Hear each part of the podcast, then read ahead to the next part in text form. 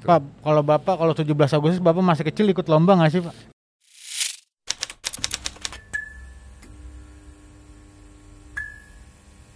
Halo, selamat berjumpa kembali dengan gua Aban di POTG Podcast on the Go. Sebelum kita menjalani syuting ini kita sudah menjalani uh, apa mewajibkan prokes yaitu uh, mencuci tangan dan memakai masker.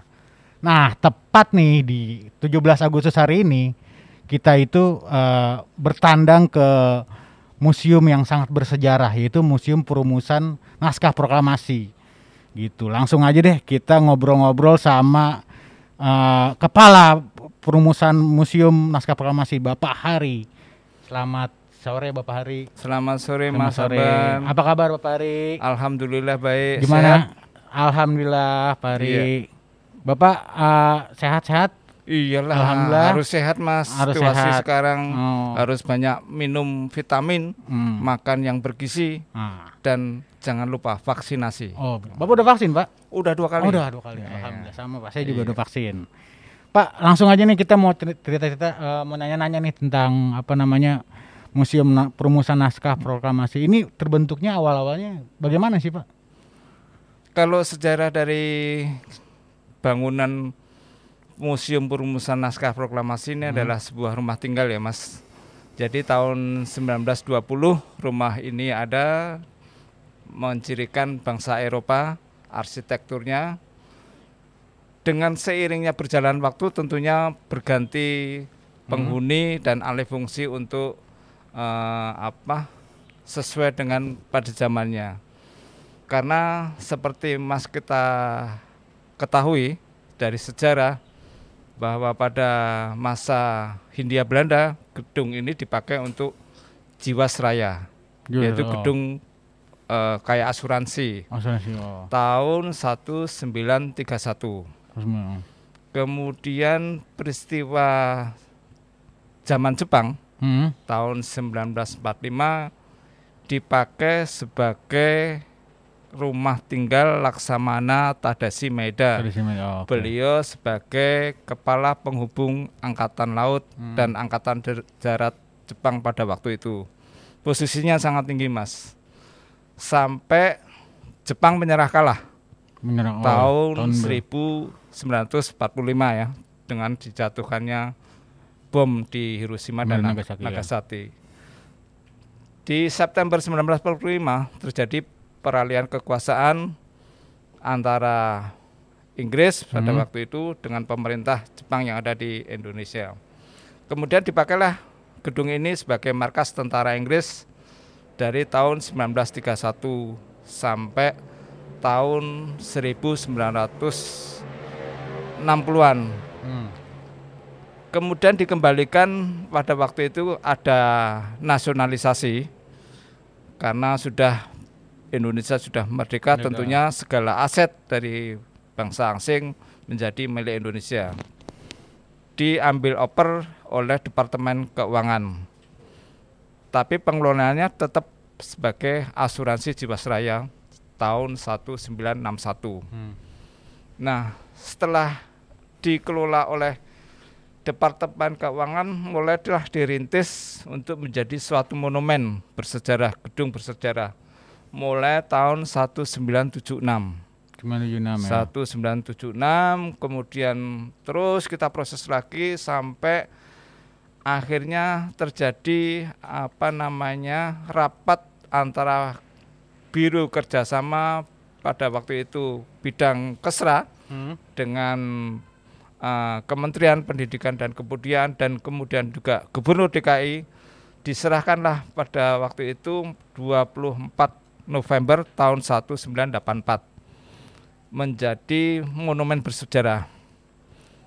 Diproses lagi akhirnya dengan berjalannya waktu tanggal 24 November Hmm. tahun 1992 menjadi Museum Perumusan Naskah Proklamasi yang 92. diserahkan pada Kementerian Pendidikan dan Kebudayaan Hmm. pada waktu itu. Uh, Pak Nugroho Noto Susanto. Itu ada Jadi berapa, prosesnya lama memang. berapa kali renovasi, Pak? Kalau renovasi sampai saat ini belum belum Dari banyak awal yang gitu? dilakukan. Iya. Cuma mungkin penggantian atap tahun 2011 karena dari tahun awal berdirinya bangunan ini masih asli mas. Jadi Oh. masih Masih ada sejarahnya, Pak, ya? Ada sejarahnya. Cuma mungkin beberapa bagian ada perubahan. Iya. Jadi kalau tadi kita keliling itu benar-benar masih utuh dan Hmm. masih mencirikan pada waktu itu suatu bangunan yang megah dan indah arsitekturnya dan itu bisa dilihat sampai sekarang kokoh tidak apa terpengaruh oleh bencana gempa dan sebagainya. Pak, ada apa aja sih di Museum Naskah Proklamasi ini, Pak? Kalau kita berada di Museum Perumusan Naskah Proklamasi tentunya kita akan melihat dari sejarah suatu peristiwa yang penting sekali ya pada waktu sebelum dicetuskannya proklamasi tanggal 17 Agustus bahwa setelah peristiwa Rengas Dengklok yang pada waktu itu tanggal 15 para pemuda sudah bertekad bulat istilahnya untuk merdeka. Tapi keinginan itu kan harus eh, hati-hati Mm. oleh beberapa golongan tua yang di eh, untuk jangan sampai kita istilahnya gerusa-gerusu dengan apa istilahnya kekalahan Jepang karena memang harus mengingat situasi pada saat itu Jepang masih komplit persenjatanya masih utuh dan kita tidak ingin terjadi pertumpahan darah. Maka setelah peristiwa Dengklok yang terjadi pada waktu itu kemudian dijemput oleh Mr. Ahmad Subarjo, eh, Insinyur Soekarno dan Dr. Andas Muhammad Tata dikembalikan di Jakarta. Kemudian malamnya setelah dari Rengas Dengklok menuju ke Jalan Imam Bonjol Mm. nomor satu ini menemui Laksamana Tadasimeda mohon izin untuk menggunakan tempat tinggal beliau sebagai rapat dan oleh Laksamana Tadasimeda diizinkan dengan cara dia apa istilahnya nggak mau ikut campur tentang persiapan kemerdekaan Indonesia. Beliau langsung mengundurkan diri, menarik diri, naik ke lantai dua menuju ruang tempat tinggal beliau. Dan di sinilah para pemuda waktu itu tiga orang dan beberapa puluh pemuda yang lainnya berkumpul, bergulat pemikiran, beradu argumentasi untuk merumuskan suatu naskah yang bisa untuk menjadi bangsa Indonesia yang merdeka. Di dalam gedung ini ada beberapa ruangan yang bisa dilihat. Tadi kami sampaikan di ruang pertemuan tadi, kemudian berlanjut lagi ke ruang perumusan. Dan Hmm. di situlah Insinyur Soekarno merumuskan kalimat kata per kata untuk istilahnya apa yang bisa kita proklamarkan besok harinya. Nah, dalam pergulatan pemikiran dan gagasan itulah nanti bisa dilihat beberapa naskah asli dari tulisan tangan Soekarno ada yang dicoret, coret-coret itulah. Nah, di sinilah terjadi suatu peristiwa perumusan naskah yang tentunya keesokan harinya menjadi suatu hal yang diumumkan oleh seluruh rakyat Indonesia dan seluruh dunia bahwa bangsa Indonesia telah merdeka. Jadi di dalam gedung inilah uh, bisa disaksikan Sejarah ya? Iya, sejarah dari peristiwa sebelum lahirnya bangsa Indonesia. Pak, di ini eh, di tadinya di museum ini tuh banyak nggak sih ada orang yang tahu sebelumnya ternyata ada sebuah bunker katanya Pak. Iya, betul Mas. Jadi memang Itu gimana awalnya Pak bisa ada sebuah bunker itu? bunker adalah sebagai fungsi sebagai untuk tempat pertahanan ataupun tempat pelindungan karena seperti tadi saya sampaikan bahwa yang tinggal di sini adalah pejabat penghubung, kepala penghubung angkatan darat dan angkatan laut, tentunya suatu pejabatan yang tinggi dan itu mempunyai banyak musuh ya. Jadi kalau istilahnya di tiap perlindungan rumah itu kan ada yang untuk apa delik kalau kata Jawa itu kan sebagai antisipasi kalau kita disergap ataupun dibom oleh musuh. Jadi memang di belakang gedung Museum Perumusan Naskah Proklamasi ini ada sebuah bunker di bawah tanah Hmm. untuk tempat pelindung pada waktu itu pejabat ataupun eh, pemimpin yang ada eh, tinggal di sini. Jadi nanti eh, masyarakat bisa menyaksikan bahwa di belakang gedung eh, Museum Naskah Proklamasi itu ada sebuah bunker yang Hmm. panjang tentunya pada waktu itu tapi memang kondisi saat sekarang tidak bisa seperti itu karena memang ada beberapa objek vital nasional yang dekat dengan perusahaan naskah proklamasi. Luasnya berapa meter tuh Pak bunkernya Pak? Kalau turunnya sekitar uh, 3 meter mungkin untuk luasan sekitar panjang kali lebar ada empat kali empat ya. Hmm. Itu sekarang isinya kosong. Kosong. Iya, memang. Sebelumnya ya Iya, memang tadi kosong, itu. memang kosong. fungsinya untuk tempat perlindungan ya. Jadi memang uh, bunker itu adalah untuk apa ya jaga-jaga istilahnya Hmm. dengan keadaan darurat dan sebagainya. Seperti kalau lihat film-film sekarang itu kan ada juga yang kalau presiden apa-apa itu kalau uh, mendapat suatu ancaman keadaan darurat kan mesti akan disembunyikan entah di dalam bunker ataupun di tempat yang lain. Itu. Pak, kalau untuk di museum ini nih barang-barang ini asli atau replika atau gimana Pak? Eh, seperti yang kami sampaikan tadi memang terjadi peralihan pergeseran ke penghunian ya, Hmm. kepemilikan dari kedutaan besar Inggris, dari British Council, kemudian dari markas tentara, kemudian juga pernah dijadikan perpustakaan nasional. Memang kalau berbicara asli tidak banyak yang ada di sini yang asli disimpan di dalam mus, eh, arsip nasional naskah proklamasi tadi.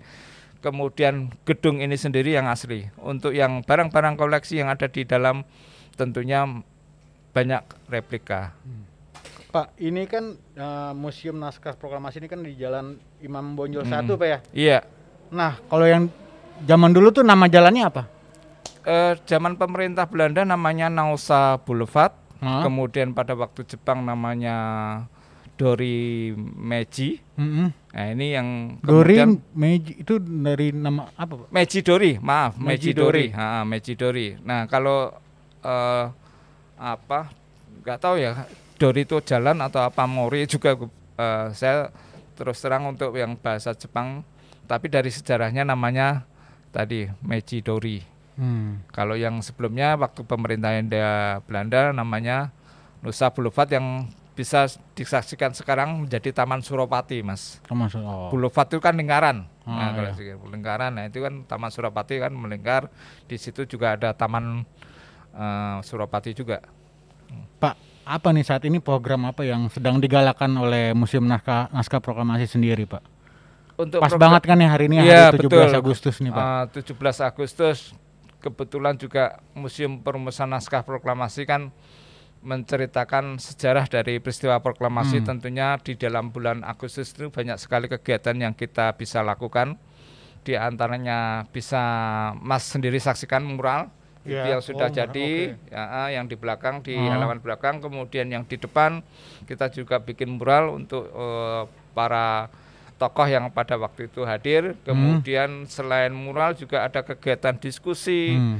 juga ada pameran juga ada eh, apa istilahnya ini podcast juga ada pengambilan dari gambar-gambar untuk eh, stasiun TV media elektronik yang kemarin kita sudah lakukan jadi memang banyak sekali yang bisa kita lakukan untuk apa menggelurakan lagi semangat nasionalisme semangat cinta tanah air dengan di apa dikondisikan dengan situasi yang saat sekarang bangsa kita yang sedang mengalami musibah pandemi, Pandemi. COVID ini ya. Jadi memang kita sesuaikan seperti kita sekarang memakai masker, Betul, betul, kemudian Pak. pengunjung juga harus kita batasi, kita atur. Inilah untuk apa adaptasi kebiasaan baru yang nantinya akan berkembang di kemudian ke depan. Pak kalau misalnya pandemi gini terus 17-an biasanya kan kalau ini Iya. eh, anak-anak kecil pada ke museum gitu Betul, 17 Agustus iya. tuh, Pak. Nah, kalau sekarang bagaimana, Pak? Nah, Biasanya. tadi kan kami sampaikan karena memang kita harus taat dengan prokes dan apa situasi yang tidak memungkinkan untuk bertemu secara fisik, maka kita banyak melakukan kegiatan yang sifatnya virtual. Hmm. Kita tidak bisa menutup untuk apa istilahnya pelayanan publik secara fisik, tapi kita eh, istilahnya kita mindset kita ubah lagi program-program yang ke arah virtual. Jadi dari mana pun, dari Jawa, dari Sumatera, apa Kalimantan itu bisa melihat Museum Perumusan Proklamasi dengan virtual. Jadi beberapa kali kita sempat menerima permintaan permohonan untuk melakukan visitasi ke Museum Perumusan Naskah Proklamasi melalui virtual, Mas. Jadi memang Alhamdulillah dengan teknologi informasi yang saat ini berkembang demikian majunya hmm. dengan teknologi yang demikian cepatnya ini akan menjangkau seluruh Indonesia dan seluruh dunia dan mudah-mudahan dengan uh, apa yang kita lakukan ini akan menggelorakan lagi untuk semangat, semangat. cinta tanah air. Tapi kalau misalnya hmm. digital gitu Pak, iya. bukan ya. rasa ininya lebih Iya memang uh, enggak iya betul. semangat sih apa sih gimana? Betul. Kalau memang digital memang emosi itu kan nggak bisa ya, nggak bisa tersentuh. Memang secara virtual hmm. kan kita cuma lihat cuma lihat omong apa lihat gambar dengan suara tapi nggak bisa melihat secara fisik, nggak bisa menyentuh barangnya itu memang akan mengurangi. Namun di sisi lain kita juga uh, beruntung karena memang situasi yang saat ini dengan adanya PPKM level 4 apa pun istilahnya PPKM darurat ah. ataupun PSBB yeah, yeah. Eh, ini memang membatasi bahwa tidak boleh berkunjung secara berkerumun uh, mobilitas yang tinggi nah ini yang harus kita ikut juga mendorong juga masyarakat dan kita membantu pemerintah untuk mengurangi apa resiko tertular dari penyakit wabah yang mematikan. Jadi memang secara tidak langsung kita harus tetap ikuti karena bagaimanapun kalau kita buka secara fisik nanti kita akan menjadi klaster-klaster yang baru dan itu oh tidak iya. yang kita inginkan. Jangan, Pak. Iya. Pak, berarti kalau misalnya udah kelar pandemi bisa visit lagi kita kemari ya, Pak ya? Insya Allah Mas, jadi memang kalau situasinya memungkinkan dan pemerintah sudah membolehkan untuk bertahap melakukan kunjungan fisik, kita hmm. segera lakukan pembukaan untuk kunjungan secara luring. Karena bagaimanapun juga uh, emosi yang tadi sampaikan itu akan mendapat. Karena untuk yang luring itu kan anak-anak ataupun masyarakat bisa melihat secara langsung koleksi yang ada di sini, hmm. bisa menyentuh ataupun bisa meraba. Ini yang tentunya bisa situasi itu bisa menggambarkan uh, keadaan pada waktu yang ada di dalam museum ini dan itu mestinya roh dari semangat dari para founding father kita itu akan dapat kalau kita secara fisik berkunjung ke suatu tempat. Pak, kalau misalnya di Munasprok ini apa sih uh, program apa aja yang sudah dikenalin ke masyarakat nih, Pak?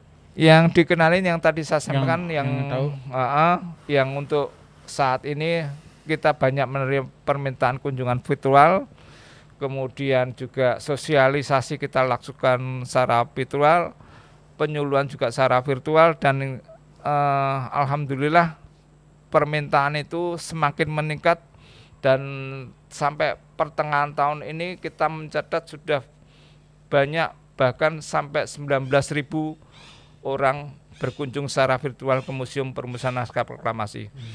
Kita juga memakai YouTube, memakai hmm. IG, kemudian memakai FB, segala apa istilah segala penjuru kita kerahkan untuk uh, melayani permintaan dari masyarakat dan itu juga menjadi alat promosi Museum Perumusan Naskah Proklamasi sebagai media yang pas pada situasi yang saat ini ya karena memang kita harus mengencarkan secara uh, daring secara media sosial dan itu menjadi senjata ampuh bagi kita. Hmm. Pak kalau kayak 17 Agustus hari ini nih Pak, hmm. ini biasanya kalau nggak pandemi gitu ada kegiatan apa aja Pak? Kalau sebelum pandemi ya biasanya fisik Mas, banyak sekali or, uh, masyarakat bahkan anak-anak sekolah akan secara bergelombang datang ke Museum Perumusan Naskah Proklamasi karena tadi saya sampaikan Agustus ini adalah bulannya museum hmm. khususnya Museum Perumusan Naskah Proklamasi karena sangat berdekatan sekali dengan peristiwa kemerdekaan itu. Jadi memang banyak sekali tadi kami sampaikan permintaan-permintaan untuk melakukan uh, wawancara, kemudian meliput, kemudian ambil gambar, kunjungan sekolah dan sebagainya. Itu dilakukan sebelum pandemi ini juga. Tapi karena ada pandemi, kita ubah situasi yang tadi tatap muka secara fisik ini. Hmm. Kita juga kan jarak jauh nih mas. iya, iya nggak boleh deket-deket iya, dong. Iya. iya.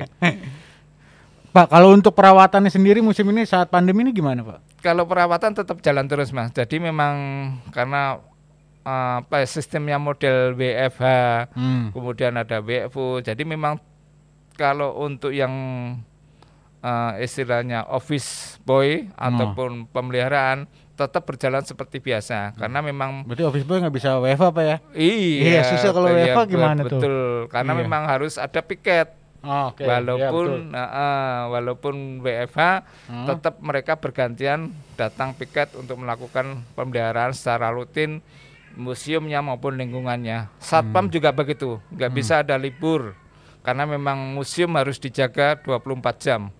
Bagaimana caranya biar orang juga nggak capek ya kita gilir, kita kondisikan bahwa setiap pegawai mungkin maksimal 7 jam. Tujuh Jadi jam. nanti ya tiga shift kalau tadi Oh, 7 pagi sampai jam 7 malam, 7 malam sampai dini hari yang berikutnya begitu seterusnya. Jadi nanti tiap minggu di rolling. Demikian Hmm. pula yang OB tadi tiap minggu juga di kita rolling. Jadi dia tidak full terus juga di bekerja tapi juga dapat hari liburnya. Oh gitu. Iya. Pak kalau di museum ini udah eh, lengkap nggak sih Pak? Termasuk nggak sih Pak? Termasuk lengkap nggak sih? Kalau pengadaan koleksi memang harus Kalau kita kurang akui- gitu? Iya, harus kita akui memang kurang ya. Tapi juga kita harus mengikuti em, apa ya? kapabilitas dari museum sendiri ya. Museum ini kan dibangun di atas tanah 3000 meter dan luas bangunan sendiri hanya 1000 Hmm. dan sudah banyak koleksi yang ada di dalamnya. Nanti kalau kita tambah sesuatu yang koleksi yang semakin banyak, ini akan merepotkan bagian storage. Hmm. Storage kita kecil. Jadi uh, istilah storage itu kan untuk menyimpan koleksi yang untuk rolling akan pameran yang akan ditampilkan di tahun berikutnya. Nah, ini memang menjadi kendala dan perhatian kita bahwa museum ini koleksinya nggak begitu banyak karena memang harus digilir. Jadi kalau kita mau nambah, nambah apa? Mungkin yang bisa kita lakukan yang koleksi yang sifatnya kecil atau mungkin ke depan malah koleksi yang digital. Hmm. Nah, seperti mungkin kita bisa melakukan lewat TV ataupun monitor juga nanti film-film lama atau program-program kita nanti yang akan kita tampilkan karena space yang ada di ruangan-ruangan itu kan Mas bisa lihat sendiri tadi setelah keliling kan Iya. kecil. Jadi kalau kita jejaki dengan berbagai koleksi yang ada malah nanti jadi apa istilahnya kredit kredit ya. dengan koleksi apalagi nanti kalau ada pengunjung yang banyak sekali.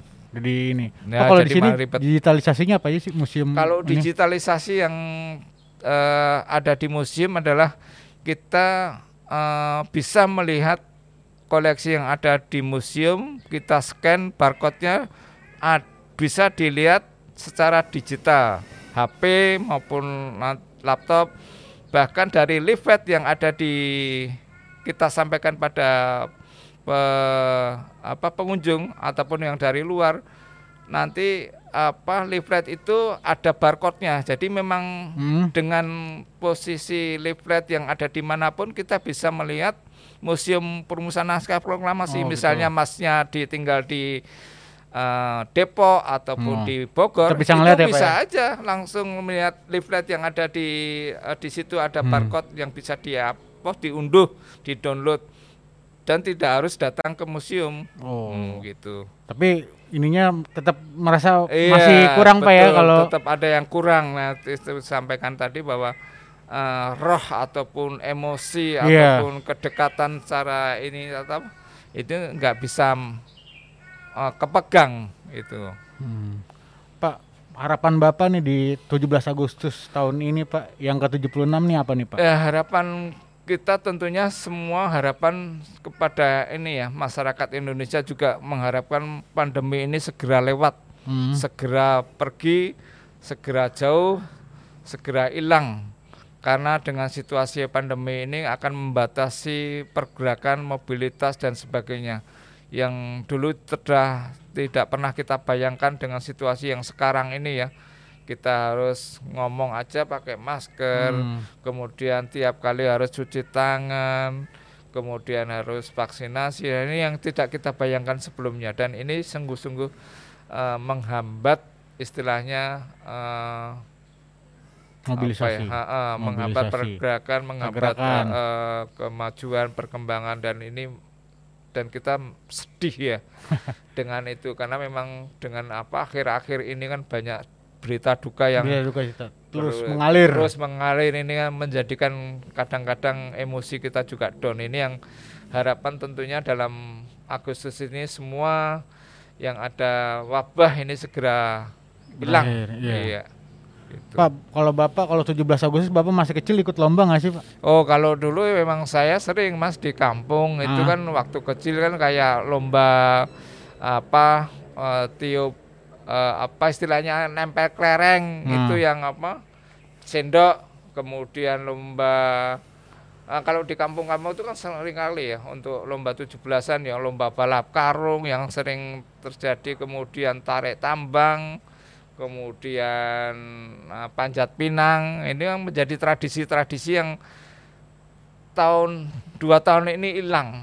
Nah Hmm. ini yang tentunya kita juga merasa sedih dengan apa tradisi-tradisi yang dulu pernah kita lakukan. Dan ini juga eh, menjadi tantangan juga untuk yang saat ini. Karena untuk yang biar semangat tidak turun tetap cinta tanah air tetap nasionalisme tinggi nah ini yang tentunya perlu kita dorong terus. Ada yang Bapak kangenin nggak waktu kecil lomba? Ya kalau istilah kangen kan nostalgia ya ya ada Iya. saja mas Eh, seperti lomba itu tadi lomba yang apa Balap karung. kler, eh, Kelereng. kelereng nah, terus eh, balap karung itu yang biasanya yang klasik kita lakukan Iya. Tahu kerupuk, makan makan kerupuk. kerupuk terus makan Pakai nasi. apa, eh, yang apa semangka itu dikasih uang Oh, itu dido- kita ngambil terus Ah, hitam-hitam mulutnya, Pak ya? dihitam-hitam, dikasih angus dan sebagainya.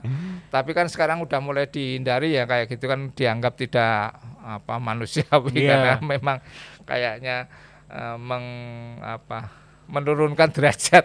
Pak kalau museum Naskah Proklamasi ada lomba gitu nggak sih sebelum-sebelumnya? Pak? Eh, kita tidak ada lomba. Kita ada secara program, Mas. Kita Oh, program aja. ah, kita mengadakan lomba band antar SMA Oh, dan gitu. sederajat. Dan hasilnya nanti malam kita rapatkan ini. oh, lagunya iya. lagu Lagunya coklat. lagu perjuangan. Oh. Eh, Hari Merdeka itu Ah. yang wajib Hmm. dan lainnya boleh ambil tapi tetap perjuangan Oh, karya gitu. motor. Jadi memang nah itu tadi dari fisik ke virtual ini yang harus kita kondisikan. Jadi waktu lomba band itu juga harus syaratnya juga seperti itu. Mereka juga harus mengambil gambar sendiri, memainkan Oh. dengan sendiri. Juga antar grup itu juga nggak bisa berdekatan karena mereka di rumah masing-masing juga. Nah ini suatu tantangan yang Susah tentunya- juga itu, Pak, ya, ah, sulit juga. tentunya juga menjadi apa ya menjadi pola baru dan eh, cara baru untuk mensosialisasikan di situasi yang tidak normal sekarang ini. Hmm. Pak, strategi apa sih eh, biar anak muda tuh datang ke museum, Pak? Ntar nanti kalau udah selesai pandemi ini, Pak. Iya Strateginya ya banyak sekali yang eh, bisa kita lakukan ya. Memang kita harus mendekati segmen anak muda yang katanya sekarang kan menjadi generasi milenial ya, kaum milenial. Nah ini memang strategi kita melakukan media med- medsos itu mas, Hmm. lewat FB, lewat IG, lewat Twitter, lewat TikTok. Nah ini kan juga eh, kita explore terus, kita gali terus, kita inovasi dengan berbagai cara supaya kaum muda ini juga eh, cinta dengan museum. Karena yang museum ini kan bukan sesuatu yang apa ya menjadi belum menjadi kebutuhan ya saat ini ya. Hmm. Beda dengan kayak di luar negeri ya, sesuatu yang suatu butuh ya. Banyak di orang luar negeri mah Ah, rame terus, Pak, ya. Bahwa kalau di luar negeri bahwa suatu museum itu bisa apa berkali-kali ya, tapi kalau kita itu kan kadang diajak pun kan kadang nggak mau. Nah ini yang menjadi tantangan bagi apa stakeholder untuk bisa mendatangkan kaum milenial. Karena kalau milenial kan seperti itu. Mereka ditanya ngapain di museum? Iya. ada apa sih di museum? Ah. nah itu kalau ayo ke mall. Ayo. Nah ini kan Ah. beda lagi. Nah Makanya itu beda banget mall sama museum. Eh. Ma- Orang anak-anak lebih betul, maksudnya iya. ke seringnya ke mall. betul nah ini yang perlu kita balik dari mindset anak-anak muda ini yang Hmm. dan alhamdulillah sekarang anak-anak muda itu mulai senang dengan apa museum Hmm. dengan ada banyaknya komunitas sekarang kan banyak komunitas apa musikal Hmm. bahkan ada yang drama itu melakukan permintaan ke museum untuk bisa melakukan suatu kegiatan komunitas tari, komunitas uh, istilahnya susur jalan, itu pengamen pengamen yang terkumpul dalam pada itu juga minta ke museum agar mereka juga bisa menampilkan apa ya istilahnya ekspresi dari kejiwaannya itu. Oke Pak Ari, terima kasih kita udah nanya-nanya nih udah datang ke Museum Perumusan Naskah Proklamasi. Mungkin Bapak ada closing statementnya Pak? Iya, terima kasih Mas Aban uh, sudah mampir di Museum Perumusan Naskah Proklamasi dan dalam kesempatan ini Museum Perumusan Naskah Proklamasi mengucapkan Dirgahayu Republik Indonesia ke-76 Jayalah bangsaku, jayalah negeriku, jayalah selamanya untuk Indonesia jaya. Terima kasih. Wassalamualaikum warahmatullahi wabarakatuh. Oke, itu dia uh, POTG di spesial 17 Agustus. Sampai bertemu kembali dengan POTG selanjutnya. Dadah! Merdeka! Merdeka!